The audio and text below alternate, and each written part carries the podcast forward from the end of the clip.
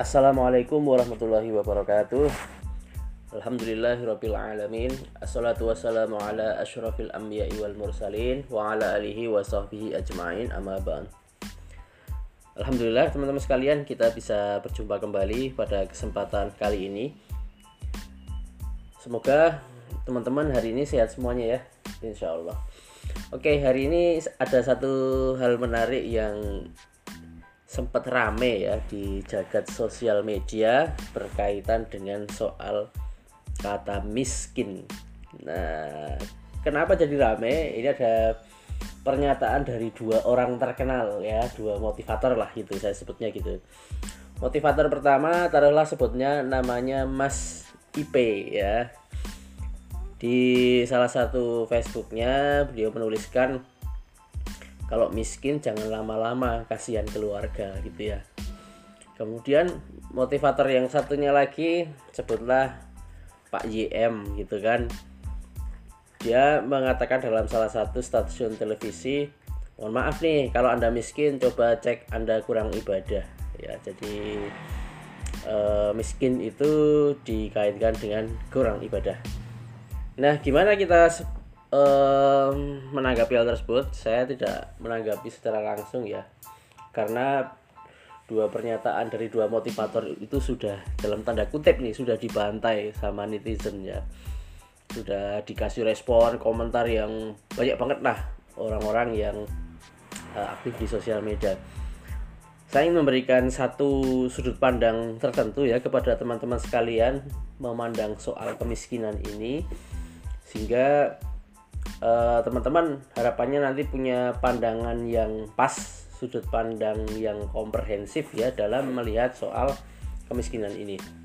Apalagi bagi para pengembang dakwah tentu uh, di tengah kondisi kehidupan di negeri kita yang memang miskin itu ya adalah suatu fakta yang terjadi ada di sekitar kita kemudian kita berusaha untuk menawarkan solusi ya solusi Islam itu seperti apa dalam menghadapi persoalan kemiskinan ini. Nah ini ada satu kitab yang bagus banget untuk teman-teman telaah untuk teman-teman baca.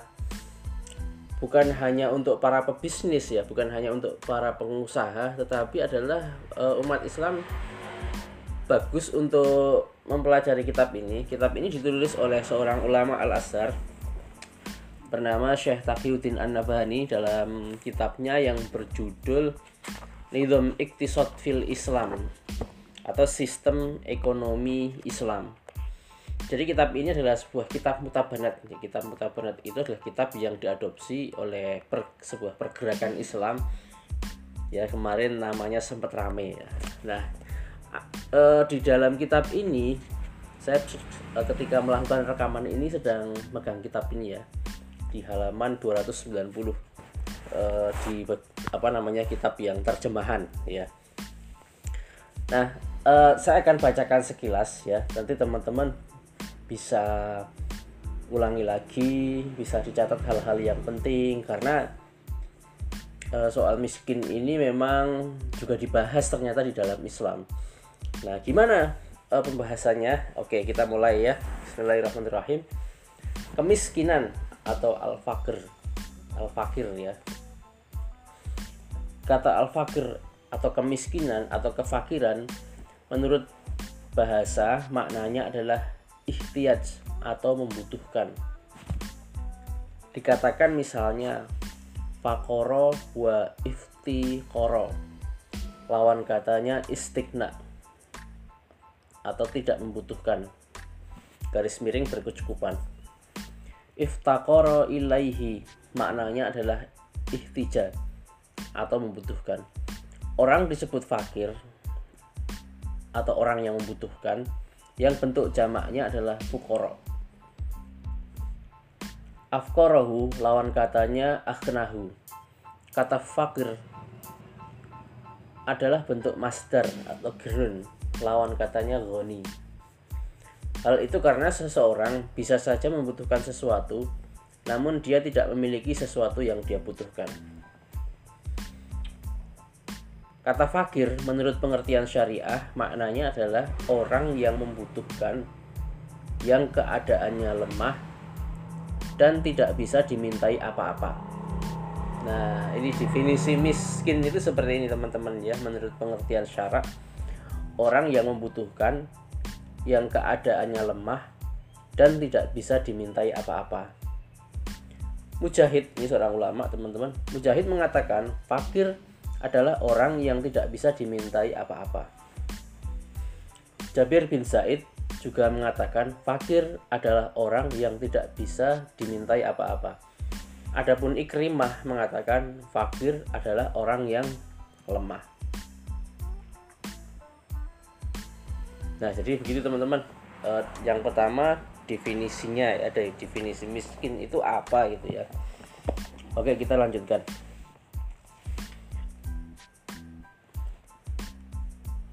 Dalam sistem ekonomi kapitalis, kefakiran atau kemiskinan dianggap sebagai sesuatu yang relatif atau nisbi dan bukannya sebutan untuk kondisi tertentu yang bersifat tetap dan tidak berubah. Karena itu mereka menganggap bahwa kemiskinan adalah adanya ketidakmampuan untuk memenuhi kebutuhan-kebutuhan akan barang dan jasa. Ini teman-teman, uh, dalam kapitalisme ya Definisi kemiskinan itu apa? Yakni adanya ketidakmampuan untuk memenuhi kebutuhan-kebutuhan akan barang dan jasa. Karena kebutuhan-kebutuhan tersebut berkembang dan makin beragam ketika materi sebagai alat pemuasnya mengalami perkembangan. Maka pemenuhan kebutuhan-kebutuhan tersebut akan mengalami perbedaan karena adanya perbedaan masing-masing individu dan bangsa. Bangsa-bangsa yang terbelakang yang kebutuhan-kebutuhan individunya terbatas, mungkin saja pemenuhannya hanya sebatas pada barang-barang dan jasa-jasa yang bersifat primer. Akan tetapi, bangsa-bangsa yang maju secara materi, yang kebutuhan-kebutuhannya banyak dan tidak terbatas, tentu dalam pemenuhannya membutuhkan barang-barang dan jasa-jasa yang lebih banyak. Dengan demikian, dalam kapitalisme ini teman-teman, standar kemiskinan pada bangsa-bangsa tersebut tentu berbeda dengan standar kemiskinan di negara-negara yang sudah maju. Sebagai contoh, tidak terpenuhinya kebutuhan sekunder di Eropa dan Amerika sudah dianggap miskin. Namun di Mesir atau Irak, tidak terpenuhinya kebutuhan sekunder tersebut, tentu jika kebutuhan primernya bisa terpenuhi, tetap tidak dianggap miskin. Anggapan yang berlaku dalam sistem ekonomi kapitalis ini adalah anggapan yang salah. Sebab dengan demikian sistem ekonomi kapitalis telah menjadikan makna sesuatu menjadi hanya sekedar anggapan saja, bukan real, bukan real. Kesalahan ini terjadi karena masalah ini memiliki fakta yang hakiki. Jadi teman-teman, yang namanya miskin ini sebenarnya ada realitasnya, ada faktanya. Nah, nanti kita lihat faktanya seperti apa. Karena itu, masalah ini bisa dikenali melalui faktanya dan bukan sekedar anggapan yang sama sekali tidak memiliki fakta. Selain itu, karena hukum-hukum syariah yang diberlakukan pada manusia tidak akan menjadikan sistem tersebut berbeda-beda karena keberagaman personalnya. Pasalnya, hukum-hukum syariah berlaku untuk manusia sebagai manusia, bukan sebagai individu. Seandainya suatu negara memerintah rakyat di Spanyol dan rakyat di Yaman, tentu tidak sah jika pandangan negara tersebut terhadap kemiskinan berbeda-beda antara negara yang satu dengan negara yang lain. Sebab masing-masing rakyat adalah manusia, sementara solusi dibuat untuk menyelesaikan problem mereka. Islam telah menganggap masalah kemiskinan manusia dengan standar yang sama di negara mana pun serta kapan pun Menurut pandangan Islam, kemiskinan adalah tidak terpenuhinya kebutuhan-kebutuhan primer secara menyeluruh. Syariah telah menetapkan kebutuhan primer tersebut berupa tiga hal, yaitu sandang, papan, dan pangan. Di dalam Al-Quran ya teman-teman e, bisa cek misalnya dalam Al-Baqarah ayat 233 Artinya, kewajiban ayah memberikan makan dan pakaian kepada para ibu dengan cara yang ma'ruf. Kemudian surat At-Tolak ayat 6. Tempatlah mereka para istri di tempat tinggal kalian sesuai dengan kemampuan kalian. kemudian ada hadis yang diriwayatkan uh, Ibnu Majah dari Abi Al Awas radhiyallahu an yang mengatakan bahwa Rasulullah SAW bersabda, ingatlah bahwa hak mereka atas kalian adalah agar kalian berbuat baik kepada mereka dalam memberikan pakaian dan makanan. Jadi teman-teman, uh, menurut pandangan Islam, kemiskinan itu adalah tidak terpenuhinya kebutuhan-kebutuhan primer secara menyeluruh. Nah, kebutuhan primer itu berupa apa saja, yakni sandang, papan, dan pangan. Dan apakah realitas di masyarakat ini ada? Ya memang realnya ada. Kalau teman-teman lihat ya kan banyak ya di beberapa tempat orang-orang yang memang miskin gitu. Ya, memang miskin, faktanya miskin gitu. Sekedar untuk memenuhi kebutuhan sandang, papan dan pangan itu mereka tidak mampu jadi fakta ini uh, fakta yang namanya fakir atau miskin ini memang ada gitu ya. nah, kemudian kita lanjutkan. Semua ini menunjukkan bahwa kebutuhan-kebutuhan primer yang tidak bisa terpenuhi dianggap miskin adalah sandang, pangan, dan papan. Adapun hal-hal lain selain sandang, papan, dan pangan dianggap sebagai kebutuhan sekunder. Orang yang tidak bisa memenuhi kebutuhan-kebutuhan sekunder, meskipun kebutuhan-kebutuhan primernya sudah terpenuhi, tetap tidak bisa dianggap sebagai miskin. Nah, jadi uh, kita clear ya, apa itu definisi apa namanya miskin gitu kan? Yakni uh, tidak terpenuhinya kebutuhan primer meliputi sandang, papan, dan pangan. Jadi kemiskinan dengan maknanya yang islami adalah tidak terpenuhinya alat pemuas yang bisa dipergunakan untuk memenuhi kebutuhan-kebutuhan primer yang bisa menjadi salah satu sebab kemunduran dan kehancuran suatu bangsa. Islam bahkan telah menjadikan kemiskinan tersebut sebagai ancaman dari setan. Asyaitanu ya'idukumul faqr. Setan mengancam kalian dengan kemiskinan. Al-Baqarah ayat 268. Islam juga telah menganggap kemiskinan sebagai suatu kelemahan dan menganjurkan untuk mengasihi orang-orang yang miskin. Dalam Al-Baqarah ya ayat yang ke-271 artinya jika kalian menampakkan sedekah kalian maka itu adalah baik sekali.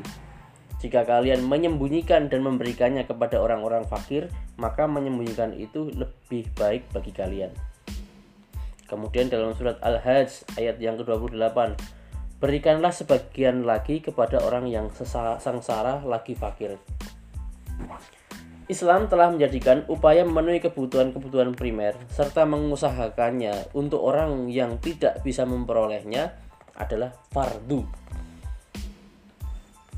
Jika kebutuhan-kebutuhan primer tersebut bisa dipenuhi sendiri oleh seseorang, maka pemenuhan tersebut menjadi kewajibannya namun, jika orang tersebut tidak bisa memenuhinya sendiri karena tidak mempunyai harta yang cukup atau karena dia tidak bisa memperoleh harta yang cukup, maka syariah telah menjadikan orang tersebut wajib ditolong oleh orang lain. Dengan begitu, dia bisa memenuhi kebutuhan-kebutuhan primernya. Nah, jadi syariah telah memberikan jalan teman-teman sekalian. Jadi kalau e, memenuhi kebutuhan-kebutuhan primer itu sebenarnya hukumnya adalah fardu ya, kewajiban Nah, tapi kalau dia tidak bisa memenuhinya, maka uh, mungkin karena belum mempunyai harta yang cukup, ya, maka syariat telah menjadikan orang tersebut wajib ditolong oleh orang lain. Nah, jadi orang yang ada di sekitar orang miskin tadi harus menolongnya. Nah, nanti akan dijelaskan di sini tingkatan-tingkatannya dari mulai uh, sanak kerabatnya, ya, apa namanya kemudian bahkan sampai ke Baitul Mal ke kas negara untuk e, mencukupi e, orang miskin tersebut dalam memenuhi kebutuhan primernya. Dalam hal ini, syariah Islam telah merinci tata cara atau mekanisme untuk membantu orang semacam ini. Mula-mula Islam mewajibkan pemenuhan nafkah ini kepada kerabat terdekat yang memiliki hubungan waris.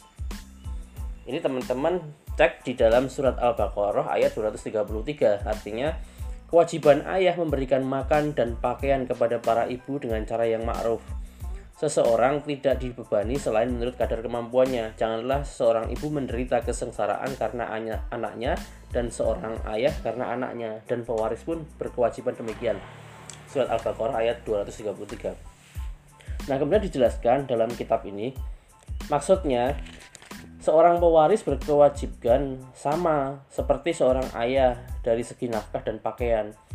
Yang dimaksud dengan pewaris di sini bukan berarti orang yang secara langsung bisa mewarisi. Tidak, akan tetapi yang dimaksud adalah siapa saja yang berhak mendapatkan waris.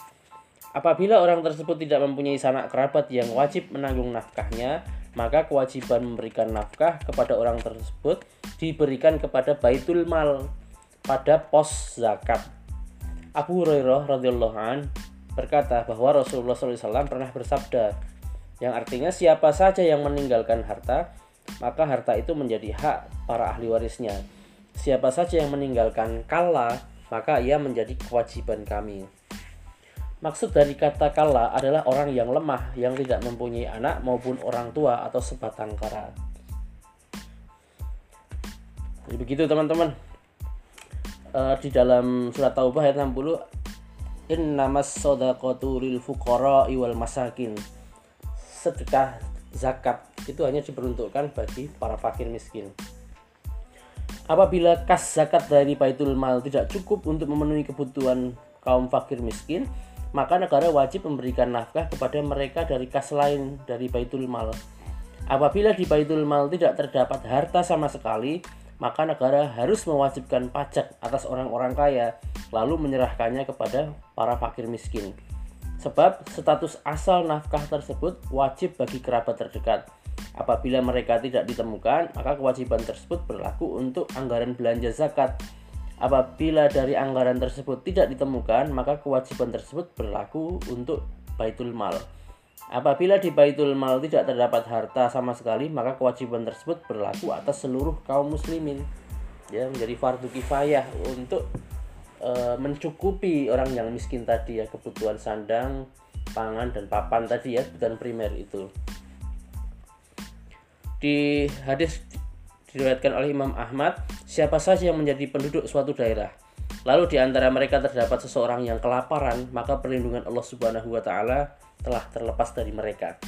Nah, ini menjadi dalil untuk uh, apa namanya kewajiban umat Islam membantu atau menyelesaikan persoalan kemiskinan hukumnya fardu kifayah oke kita lanjutkan Nabi Shallallahu Alaihi Wasallam juga menuturkan suatu hadis yang diriwayatkan dari Tuhannya atau hadis kutsi Tidaklah beriman kepadaku siapa saja yang tidur kekenyangan sedangkan tetangga di sampingnya kelaparan sementara dia mengetahuinya. Hadis riwayat Bazar dari Anas. Allah Subhanahu wa taala juga berfirman dalam surat Az-Zariyat ayat ke-19 di dalam harta mereka terdapat hak bagi orang miskin yang meminta-minta dan orang miskin yang tidak meminta-minta. Surat Az-Zariyat ayat 19. Rasulullah Shallallahu Alaihi Wasallam juga telah menahan harta atas orang Ansor dengan hanya memberikan bagian kepada orang-orang muhajirin yang fakir. Walhasil teman-teman, semua itu membuktikan bahwa hal itu merupakan kewajiban bagi seluruh kaum muslim sehingga beliau bisa mencukupi kebutuhan mereka, yakni kebutuhan orang miskin tadi. Selama hal itu menjadi kewajiban seluruh kaum muslim, maka khalifah wajib karena kewajibannya untuk melayani urusan umat, yakni mendapatkan harta tersebut dari kaum muslim sehingga ia bisa melaksanakan apa yang menjadi kewajiban mereka. Ketika itu, kewajiban tersebut berpindah dari kaum muslim ke Baitul Mal. Lalu Baitul Mal lah yang menunaikannya dengan cara memberi makan kepada fakir miskin. Ini mengenai fakir miskin yang wajib menanggung nafkahnya. Ia bisa dipaksa agar dapat mengusahakan sendiri nafkahnya. Jika ia tidak sanggup, maka kerabat dekatnya bisa dipaksa agar memberikan nafkah kepadanya. Jika kerabat dekat yang masih memiliki hubungan waris, yaitu mengikuti tingkatan kekerabatan yang telah disebutkan oleh Al-Quran terkait dengan kewajiban memberikan nafkah tersebut, jika kerabat dekat tidak mampu atau sudah tidak ada, maka giliran kas dari pos zakat Baitul Mal. Lalu berikutnya giliran Baitul Mal dari pos lain. Kemudian baru seluruh kaum muslimin uh, hingga kebutuhan para fakir miskin benar-benar terpenuhi. Jadi sebenarnya teman-teman kalau misalnya di lingkungan kita ada orang miskin nih ya, ada orang miskin. Maka sebenarnya kewajiban level pertama itu adalah kerabatnya ya, kerabatnya. Yang uh, apa namanya? uh, ada hubungan uh, nasab gitu ya, pewarisan. Tapi kalau kerabatnya tidak mampu, maka level berikutnya itu adalah uh, baitul mal dalam uh, sistem Islam ya dalam sistem apa sebuah negeri yang menerapkan uh, Islam termasuk dalam hal perekonomiannya ya, para ulama fikih siasah menyebutnya dengan istilah khilafah atau imamah itu ya itu uh, menjadi kewajiban baitul mal dari pos zakat gitu tapi kalau dari pos zakat tidak ada maka diambil dari baitul mal dari pos-pos yang lain untuk menyelesaikan persoalan kemiskinan ini ya tapi kalau ternyata masih kosong juga maka ini apa namanya kemudian bagi seluruh kaum muslimin ya ditarik pajak bagi orang-orang kaya untuk menyelesaikan persoalan kemiskinan ini. Jadi ini beberapa levelingnya gitu. Nah sementara di negeri kita hari ini yang menerapkan sistem kapitalisme ya cara seperti ini susah karena definisi kemiskinan pun menjadi tidak tetap ya. Orang misalnya nggak punya mobil ya nggak punya motor dalam tanda kutip dianggap miskin gitu kan. Karena biasanya para motivator itu kalau mohon maaf ya kalau foto-foto itu kan di depan rumah mewah atau jalan-jalan ke luar negeri atau di depan mobil gitu ya seolah-olah ini seolah-olah kalau nggak punya mobil kalau nggak punya rumah mewah kalau nggak bisa jalan-jalan ke luar negeri itu miskin gitu ya nah ini jadi problem padahal Definisi miskin itu adalah tidak terpenuhinya kebutuhan primer meliputi uh, sandang, pangan dan papan gitu. Oke, kita lanjutkan. Belum lagi uh, kemiskinan di negeri kita itu kan bukan karena orang itu nggak semangat kerja, itu nggak karena memang kondisi struktural itu memaksa orang untuk jadi miskin gitu ya. Nah, ini pembahasannya panjang ya. Oke, kita kembali ke sini lagi ke kitab Nidom Iktisad fil Islam tulisan Syekh Taqiyuddin Anabani. Adapun terkait dengan orang yang wajib memberikan nafkah kepada kaum fakir miskin, yaitu para kerabat dekat, sesungguhnya hal ini tidak diwajibkan selain dari mereka yang berkecukupan, yaitu orang yang tidak lagi membutuhkan bantuan orang lain. Nah, dari kerabat dekat pun dari orang yang berkecukupan. Ya, orang yang berkecukupan itu apa? orang yang berkecukupan adalah orang yang kebutuhan primernya terpenuhi sandang pangan dan papan gitu sehingga dia tidak membutuhkan uh, bantuan orang lain lagi gitu orang yang dianggap berkecukupan adalah yang termasuk dalam kategori diperintahkan bersedekah sebaliknya orang yang dilarang bersedekah tentu tidak termasuk di dalamnya Imam Bukhari menuturkan hadis dari Sa'id bin Musayyab yang mengatakan bahwa ia pernah mendengar Abu Hurairah radhiyallahu an berkata, Rasulullah SAW bersabda, sebaik-baik sedekah adalah harta yang diberikan dari orang yang berkecukupan. Orang yang berkecukupan di sini adalah tidak lagi membutuhkan harta menurut kadar kecukupannya untuk memenuhi kebutuhan kebutuhannya. Ya, jadi sudah sudah apa namanya cukup gitu ya. Nah maka teman-teman kadar kecukupan teman-teman itu seberapa gitu ya. Nah ini memang harus ditentukan. Tapi realnya sebenarnya sudah terpenuhi ya ketika teman-teman bisa ya kebutuhan pangannya terpenuhi secara layak itu kan e, kebutuhan papannya juga layak umumnya masyarakat setempat tinggal. Yes kemudian uh, sandangnya pakaiannya juga layak menutup aurat dan bisa apa namanya ses, apa uh, ya seselayaknya uh, umat Islam lah ya. Maka sebenarnya dia sudah berkecukupan.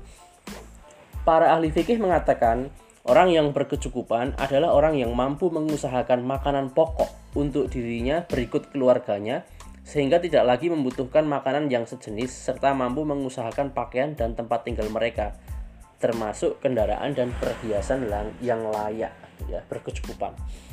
Inilah yang menurut bahasa disebut dengan kaya lantaran ia tidak membutuhkan orang lain.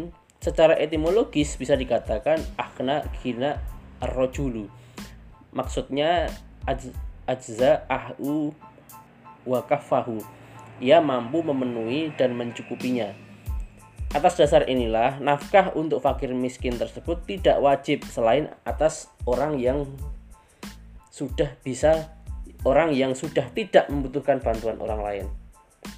Jadi, nafkah untuk fakir miskin tersebut yang masih dalam satu lingkungan kerabat ti, e, tersebut tidak wajib selain atas orang yang sudah tidak membutuhkan bantuan orang lain, yaitu orang yang sudah mampu. Dalam surat At-Tolak ya teman-teman ayat ke-7 hendaknya orang yang berkemampuan memberi nafkah menurut kemampuannya. Orang yang disempitkan rizkinya hendaklah memberi nafkah dari harta yang diberikan oleh Allah kepadanya.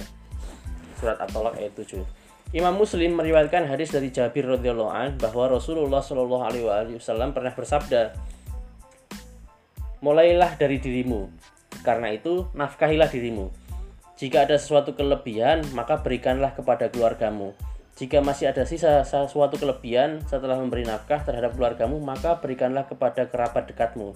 Jika masih ada sisa suatu kelebihan setelah memberi nafkah terhadap kerabatmu, maka demikianlah seterusnya. Begitulah yang seharusnya. Beliau mengatakan, mulailah yang di depanmu, lalu di sebelah kananmu, dan kemudian di sebelah kiri. Hadis riwayat Muslim. Nafkah seseorang untuk dirinya adalah pemenuhan yang pemenuhan orang tersebut terhadap kebutuhan-kebutuhannya yang menuntut untuk dipenuhi dan bukannya terbatas untuk memenuhi kebutuhan-kebutuhan dasarnya saja. Hal itu karena syariah telah mewajibkan kepada seseorang untuk memberikan nafkah kepada istrinya dengan cara yang ma'ruf. Nafkah dengan cara yang ma'ruf ditafsirkan sebagai nafkah sesuai dengan keadaan dan keadaan pada umumnya. Allah Subhanahu wa taala berfirman dalam surat Al-Baqarah ayat 233, "Rizquhunna wa kiswatuhunna bil ma'ruf." kewajiban ayah memberikan makan dan pakaian kepada para ibu dengan cara yang ma'ruf. Jadi nafkah seseorang untuk dirinya juga harus dengan cara yang ma'ruf, bukan dengan cara yang seadanya atau pas-pasan. Nabi Shallallahu Alaihi Wasallam pernah mengatakan kepada Hindun, istri Abu Sufyan, Ambillah apa saja yang bisa mencukupimu dan anak-anakmu dengan cara yang ma'ruf. Nabi tidak mengatakan apa yang bisa mencukupimu, tapi menambahkan dengan kata dengan cara yang ma'ruf. Hal ini teman-teman menunjukkan bahwa yang dimaksud dengan kecukupannya adalah kecukupan anaknya yang secara wajar terkait dengan keadaannya serta keadaan pada umumnya. Karena itu, syarat berkecukupan yang harus dipenuhi sampai dia terkena kewajiban memberi nafkah tidak bisa semata ditentukan berdasarkan sesuatu yang bisa dipergunakan untuk memenuhi kebutuhan-kebutuhan dasarnya tetapi harus ditentukan berdasarkan sesuatu yang bisa mencukupi kebutuhan-kebutuhan dasar dan kebutuhan-kebutuhan lain yang sudah dikenal banyak orang bahwa masalah tersebut merupakan bagian dari kebutuhan-kebutuhannya. Dengan demikian, ia tidak ditentukan berdasarkan standar tertentu, tetapi semata-mata dikembalikan kepada individunya serta taraf kehidupan yang menjadi tempat ia tinggal. Sebagian ahli fikih memperkirakan kebutuhan-kebutuhan yang jika melebihi, melebihi kebutuhan tersebut, seseorang sudah dianggap berkecukupan, yaitu lima hal: sandang, papan, pangan, istri, dan sesuatu yang dipergunakan untuk memenuhi kebutuhan-kebutuhannya yang akan datang. Ya, misalnya seming kebutuhan, e, misalnya hari ini uh, dalam dengan harta yang saya miliki bisa memenuhi kebutuhan untuk satu minggu ke depan ya. Satu bulan ke depan lima bulan ke depan bahkan satu tahun ke depan. Maka ini orang dianggap berkecukupan menurut beberapa ahli fikih gitu ya. Hanya saja tidak terdapat satu nas pun yang secara tegas menyatakan masalah tersebut. Namun semuanya dikembalikan pada sesuatu yang dianggap ma'ruf karena itu ukuran berkecukupan diukur berdasarkan sesuatu yang menjadi kelebihan dari terpenuhinya kebutuhan-kebutuhan secara makruf. Jadi misalnya gini, uh, saya punya uang 3 juta misalnya. Nah, dengan uang 3 juta ini saya bisa uh, memenuhi kebutuhan saya secara makruf bersama istri dan anak saya. Ini sudah cukup ya dengan cara yang makruf dan ternyata uh, dari uang 3 juta itu masih ada kelebihan, masih ada sisa gitu ya. Nah, maka uh, menurut uh, beberapa ahli fikih itu sudah berkecukupan gitu.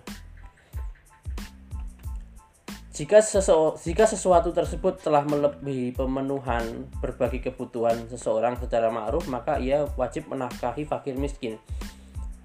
Jika tidak, maka ia tidak wajib memenuhi fakir miskin. Gitu. Walhasil, yang terakhir teman-teman sekalian, orang fakir yang wajib diberi nafkah adalah karena kebutuhan-kebutuhan primernya tidak terpenuhi, yaitu orang yang membutuhkan sandang, papan, dan pangan Adapun orang kaya yang wajib memberikan nafkah serta berkewajiban sebagaimana kewajiban seluruh kaum muslim yang terkait dengan tanggung jawab harta adalah orang yang memiliki kelebihan dan sisa pemenuhan kebutuhan-kebutuhannya dengan cara yang ma'ruf. Bukan hanya kebutuhan-kebutuhan dasarnya saja, yakni diperkirakan sesuai dengan keadaan dirinya dan keadaan orang-orang pada umumnya. Oke teman-teman, mudah-mudahan uh, dengan sharing pada kesempatan kali ini uh, kita jadi bisa menempatkan kata miskin itu pada posisi yang tepat ya. Jadi persoalan miskinan itu adalah persoalan yang real dan membutuhkan solusi dan Islam sudah memberikan jawabannya. Oke, terima kasih sudah menyimak, mudah-mudahan bermanfaat. Assalamualaikum warahmatullahi wabarakatuh.